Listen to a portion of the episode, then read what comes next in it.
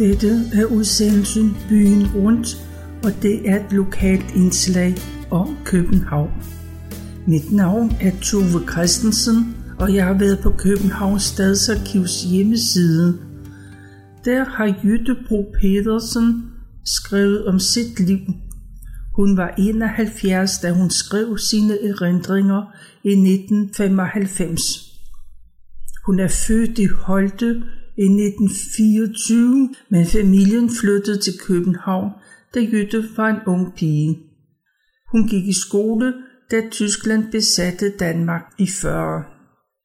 Jytte Bro Pedersen har tidligere fortalt, at en af grundene til, at de flyttede til København, var den, at hun skulle gå på et gymnasium og have en uddannelse, og så var det billigere og faktisk kun muligt på den måde. Hun var blevet indmeldt i Røstenstens Gymnasie, som var en pigeskole.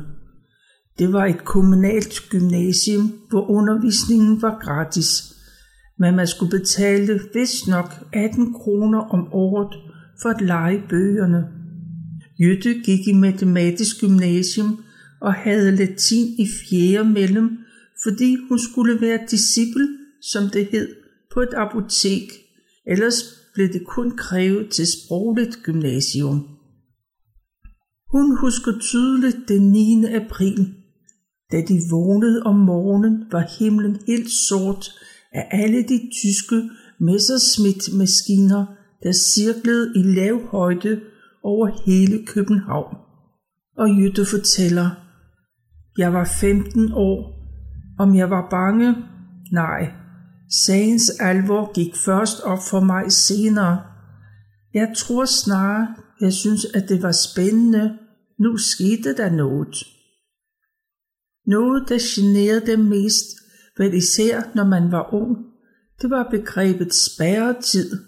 Så måtte man ikke gå på gaden, for eksempel fra klokken 20 aften til klokken 7 om morgenen.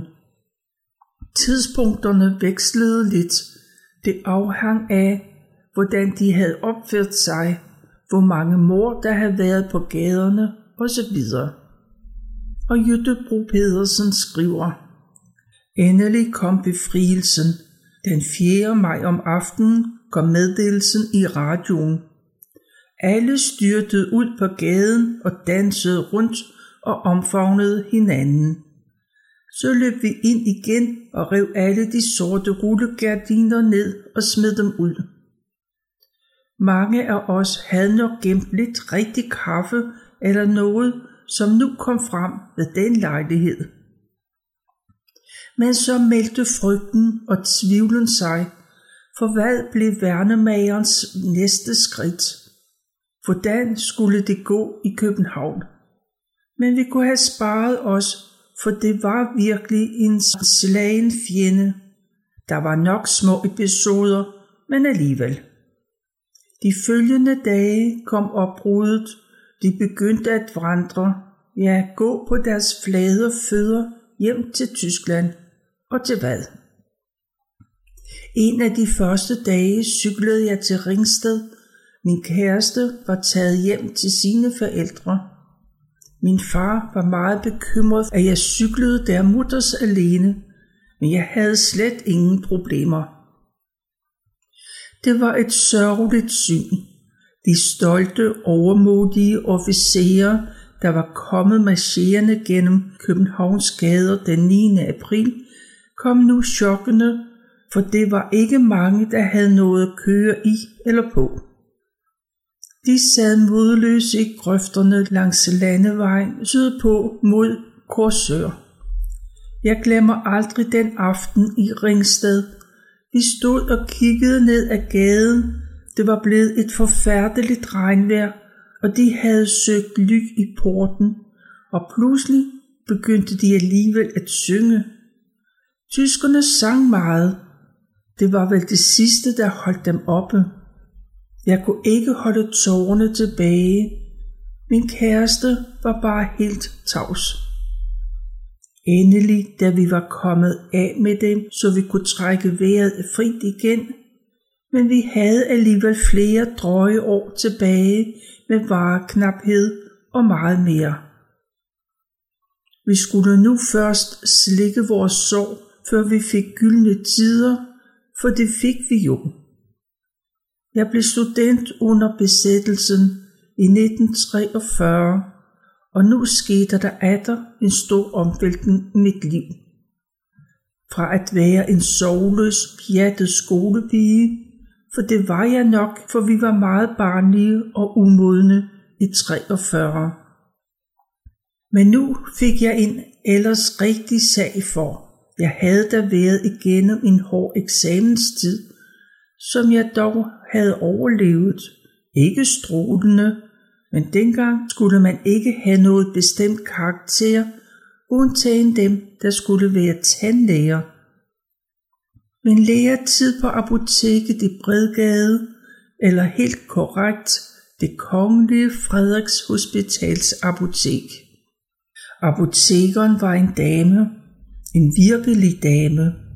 Hun var meget dygtig, smuk, men et uhyre ret og ventet menneske, som jeg kom til at sætte stor pris på. Jeg opretholdt kontakten til hende lige til hun døde. Dengang sagde man ikke de til sin apoteker, man titulerede hende. Det var jo også sådan, at når man blev konfirmeret, så sagde folk de til en. Da vi begyndte i gymnasiet, sagde de nye læger de til os, og både fornavn og efternavn. De sagde dog ikke frøken, det var kun uden for skolen. Det var et gammelt og meget smukt apotek. Når man trådte ind, følte man, at der var noget højtidligt over det, nærmest som at komme ind i en kirke. Det er svært at beskrive, hvordan det så ud. Men efter at det var blevet lukket i 65, blev en stor del af inventaret flyttet over på Medicinhistorisk Museum på den anden side af gaden, men nærmere Kongens Nytorv. Det blev slut på en epoke. Dette gamle smukke apotek med deres atmosfære fra fortid og individualitet. Det havde som kun haft til huse her siden 1912, men havde før ligget på en fløj i det gamle Frederiks Hospital på modsatte side af gaden. Dette hospital dannede grundlaget for Rigshospitalet. Det første apoteker, frøken Jacobsen, sagde til mig var, at jeg måtte gøre mig klart, at denne læretid, discipletid, som det kaldtes, var et enormt slid disse tre år, og jeg kom til at sande hendes ord. En disciple skulle simpelthen lære alt fra grunden, endda at skylle flasker. Det første jeg lærte, det var at veje. Det skulle være meget nøjagtigt. Så lærte jeg at tælle piller og tabletter af og putte dem i glas. Det gjorde man selv dengang. Alt fyldte vi selv på dengang. Man havde meget få specialiteter, som kom enten fra Løvens Kemiske Fabrik, fra Alfred Benson eller Lundbæk og kompagni, men de kunne som en rummes i nogle få skabe. Noget af det første, det var vel nok kodyl, Leo. Desuden så stod jeg ned i kælderen og fyldte levertræn og forskellige organiske opløsningsmidler og rensemidler på. Det var ikke små ting, man stod og indåndede. I dag er man jo helt hysterisk med den slags, men vi andre blev mig bekendt hverken hjerneskadet eller fik andre skavanker af det. Men den slags har man nok fået mange penge ud af senere. Dette var grundbegreberne. Min dag var delt imellem laboratoriearbejde i kælderen hver formiddag og receptur og skranke om eftermiddagen. I laboratoriet lavede jeg alt, hvad der skulle fyldes i krukker, i flasker og glas. Jeg lavede store skål fulde af salver og cremer, store flasker fulde af hostesafter og forskellige opløsninger, som dels blev opbevaret i store 5 og 10 liters brune standardflasker i kælderen og senere fyldt i mindre flasker. Alle disse små påfyldninger blev udført dels af defektrisen og defektriseeleverne. Vi lavede også tabletter, lavede store granulater og slog dem på tabletmaskinen. Kort sagt, alle præparater blev lavet her i laboratoriet, og det var stort set disciplens arbejde under ledelse af en farmaceutisk kandidat. Det var et dejligt arbejde, selvom det knep med at få mange ting på det tidspunkt. Jeg var jo krigsdisciple, som min apoteker udtrykte sig. Om eftermiddagen var jeg oppe i recepturen, hvor jeg dels stod ved vægten og vejede og blandede miksturer. Dette skulle kandidaten også overvåge. Han stod ved sin pult og taxerede recepterne og skrev etiketter. De var alle håndskrevne. Til indvortes medicin var de hvide, til udvortes var de blå. Men i 48 blev de blå til røde, og senere og senere blev alle etiketter hvide. Indvortes betød alt, hvad der kunne indtages gennem munden eller indføres i lægemets hulheder. På vores apotek stod kandidaten op og skrev, han kunne ikke få fødderne ind under pulten, derfor gik mange farmaceuter med fødderne udad. Det fandtes også mange originaler iblandt os. Folk skulle også ekspederes i skranken. Det elskede jeg. Det var også et helt specielt publikum dengang i Bredgade. For eksempel Paul Reumert med sin store sorte kunstnerhat han elskede at brillere med sit franske.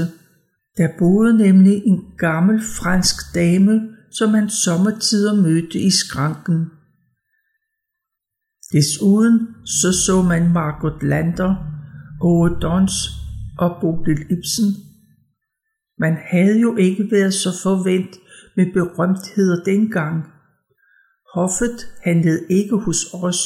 De kom til Kongelig Hofapotek i Store Kongensgade. Vores apotekerkal, der var så gammel, at han havde været portør i det gamle Frederiks Hospital, elskede ellers at fortælle om, at den forrige apoteker, apoteker Bjerre, havde været dus med Christian den 10. Apotekeren før ham fortalte Karlen Andersen var død af raseri. Han boede ovenpå og havde lige været nede og skille apotekersvendene ud. Det kaldte man kandidaterne, kan farmerne dengang. Derefter gik han op og faldt død om af en blodprop. Det skal så man nok passe. Apotekerkalene var meget alsidige dengang. Han kunne som godt slå tabletter, ellers gik han i byen han kendte hele kvarteret, og kedeligt var han ikke. Ham var jeg meget gode venner med. Han sagde så tit til mig, de får aldrig anden død, frøken Engfeldt, end de render dem ihjel. Og det var nok ikke ironisk ment. Måske får han ret, for jeg har hele livet været så forjaget, men jeg har altid haft det bedst jo mere arbejde jeg har haft. Grunden til den livsstil fik jeg nok lagt her. Jeg havde kun en halv fridag om ugen, og hver fredag gik jeg til manuduktion sammen med alle de andre københavner-disciple. Det foregik på den gamle Weissenhus Apoteks loft hos apoteker Jul. Han underviste os i latin special apotek latin, farmakonosi, det vil sige lægen om drog. Det kunne ellers være lidt svært at se, hvad der var i de glas med de tørre dodge, som jeg så vidt jeg ved ikke blev skiftet i min tid. Desuden lærte vi botanik. Om sommeren mødtes vi med ham på den gamle Nørrebro station og tog toget til Farum, hvor vi vandrede rundt og samlede planter, der så skulle hjem og presses og tørres og klistres op på store stykker papir. Disse samlede vi i en stor sort kasse. Der skulle skrives latinske navne og plantens familienavn på. Vi skulle samle 104 stykker, som skulle fremlægges til eksamen, men man måtte helst have 200 for at være på den sikre side. Alle navne skulle man kunne uden ad. Dem blev man hørt i til eksamen, samtidig med, at man fik spørgsmålet i Nordens flora. Man skulle også bestemme en tilfældig plante, som man fik stukket ud. Når man var færdig hos ham, cyklede man ud på højskolen, hvor vi blev undervist i kemi og teknik. Vi skulle vide alt om redskaberne i apoteket. Vi fremstillede også ekstrater i store pakulatorer, som skulle pakkes på bestemte måder. Vi havde også autoklaver til sterilisation af hætteglas og ampuller. Disse væsker lavede vi også og skulle lukke ampuller, som slet ikke var så nemt, for de skulle jo være tætte, og vasken skulle være filtreret, så den var fuldstændig fnugfri. Det bekymrer nok ikke nutidens narkomaner med alt det, de sprøjter sig med. Klokken halv tolv var vi færdige, så det var min eneste fridag. Man skulle også læse lektier om aftenen. Det var jeg tit for søvne til, når jeg havde rent rundt på apoteket en hel dag. Vi havde åbent altid. Kandidaterne skiftes til at sove der om natten. Sådan en vagt fik de 7 kroner for på det tidspunkt. Jeg tror, at en kandidat tjente 7 eller 800 kroner om måneden dengang. Det første år fik jeg ingen løn, men efter cirka et år begyndte jeg med 30 kroner om måneden. Men det var af velvillighed, for apotekeren kunne se, at hun havde meget gavn af mig. Og det tør siges. En gang havde vi pludselig ingen til at køre medicin til ortopædisk hospital. For den leverance havde vi det foregik på budcykel i Long John. Kælen havde fri, og vi kunne ikke få fat i nogen, og jeg meldte mig til at køre til alles forbavselse. Men jeg var ung og rask, og så kom jeg ud i den friske luft. Det var sommer, og jeg cyklede afsted med mine store 5 og 10 liters flasker ud af Lyngbyvejen med tilråb fra bydrenge og svejer, som de kaldtes. Jeg kan ikke huske, hvad de råbte, men det var i al godmodighed. Langt om længe var discipletiden forbi. Jeg måtte forlade apoteket og gå til undervisningen i tre måneder på farmaceuthøjskolen, hvor jeg sluttede med at gå til eksamen. Det tog, så vidt jeg husker, cirka en måned. Jeg var oppe i ni fag i alt, så det var virkelig en barsk omgang. Og jeg var nu eksamfarm. Det hed farmaceutisk medhjælper-eksamen. Den gav samme beføjelser som en kandidateksamen, der tog to år længere på højskolen. Lønnen var også større for kandidaterne, og vi andre kunne aldrig få et apotek. Men det drømte jeg heller ikke om, for jeg var i midlertidig blevet gift og anskaffede mig i løbet af de næste fem år tre børn. Jeg gik så hjemme og passede dem i fem eller seks år, men så begyndte jeg på halvtid. Jeg fik virkelig brugt min uddannelse, som jeg som mænd også havde slidt bragt for. Men min uddannelse er der ingen, der får mere. Jeg kan måske opleve at blive den sidste eksamfarm i Danmark. Nu er de alle apoteksuddannelser i Danmark helt anderledes. For mig kan de godt kalde det et apotek i dag, men det er jo snarere bare en forretning på linje med Matas. Men sådan er det jo med så meget af det gamle håndværk, der er forsvundet. Men jeg tror nu arbejdsglæden var større dengang, og heldigvis kan der ingen tage alt det fra os, som vi blev oplært i dengang.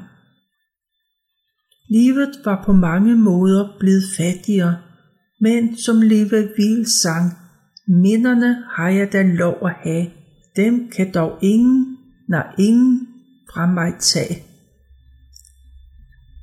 Og sådan skriver Jytte Brupa Pedersen, og så har hun et PS. Jeg er født den 7. september 1924. Jeg var faktisk, hvad man kaldte en silleføding. Mine forældre Søren og Agnete Engfeldt var henholdsvis 46 og 41 år.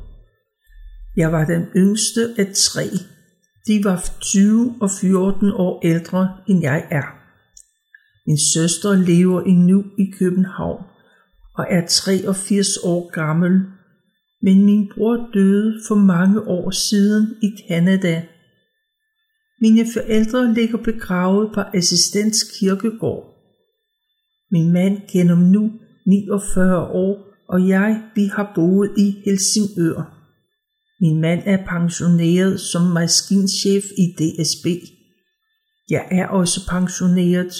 Vi har tre døtre og otte børnebørn.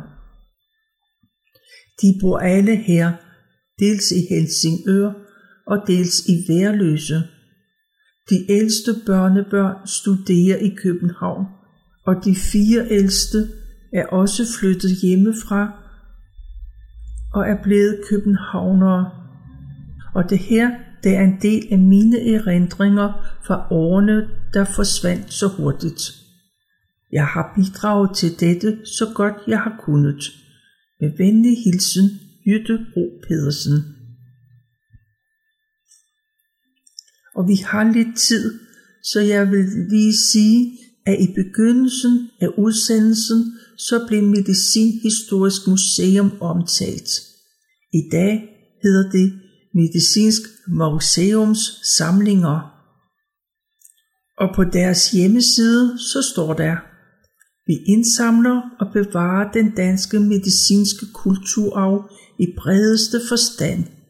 Vi indsamler materiale relateret til hospitalsvæsenet, den primære sundhedssektor, sygeplejerske, forebyggelsesområdet, tandlægevæsenet, sundhedsforskning, medicinindustrien og sundhedsuddannelserne og sag- og handicapforsorgen og sundhedsadministrationen.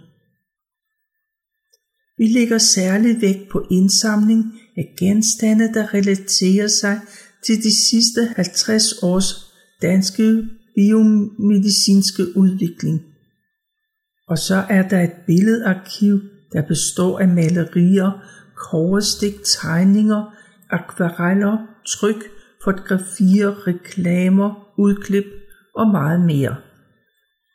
Arkivet indeholder blandt meget andet Danmarks største indsamling af lægeportrætter og fotografier af danske hospitaler, klinikker og forsorgsinstitutioner. En mindre del af materialet er allerede digitaliseret. Og så er der blindehistoriske samling. Den samling tjener til at belyse at den kultur- og socialhistoriske udvikling af forsorgen for blinde og svagtsynede i Danmark. Samlingen indeholder en stor mængde genstande, billeder og bøger i både punkt, relief og munskrift. Samlingen den regnes for en af de bedste registrerede blindehistoriske samlinger i verden og er uden sidestykke den bedst tilgængelige. Forhåbningen er, at samlingen vil kunne virke som inspirationskilde for undervisere af blinde og svagsynede og som socialhistorisk oplysningscentral og forsorgen for synshandicappede. Og så er det det nyeste tiltag. Corona-epidemien er allerede en historisk begivenhed. Det er en af de væsentligste sundhedskriterier i nyere tid, og derfor er det museorisk ansvar som hovedmuseum for medicinens kulturhistorie at dokumentere for eftertiden. Museet vil indsamle genstande fra epidemiens medicinske fronter, det vil sige fra hospitaler, fra lægepraksiser og forskningscentre. Vi forventer ikke at høre fra jer eller nogen, før pandemien er overstået. Men når maskiner og hjælpemidler en dag ikke længere skal bruges, så er vi interesseret i at få dem til vores samling. Men vi hører allerede nu meget gerne om særlige genstande, uundværlige hjælpemidler eller andre ting, som kendetegner denne svære tid. Har du ting, som fortæller om coronaepidemien i Danmark, så kan du foreslå, at museum indsamler den, når epidemien er overstået. Og det her det er så langt, som vi kommer i dag. Du finder oplysningerne dels fra www.museum.ku.dk og Jytte Bruba Pedersen har skrevet sine erindringer, og dem finder du på kbharkiv.dk.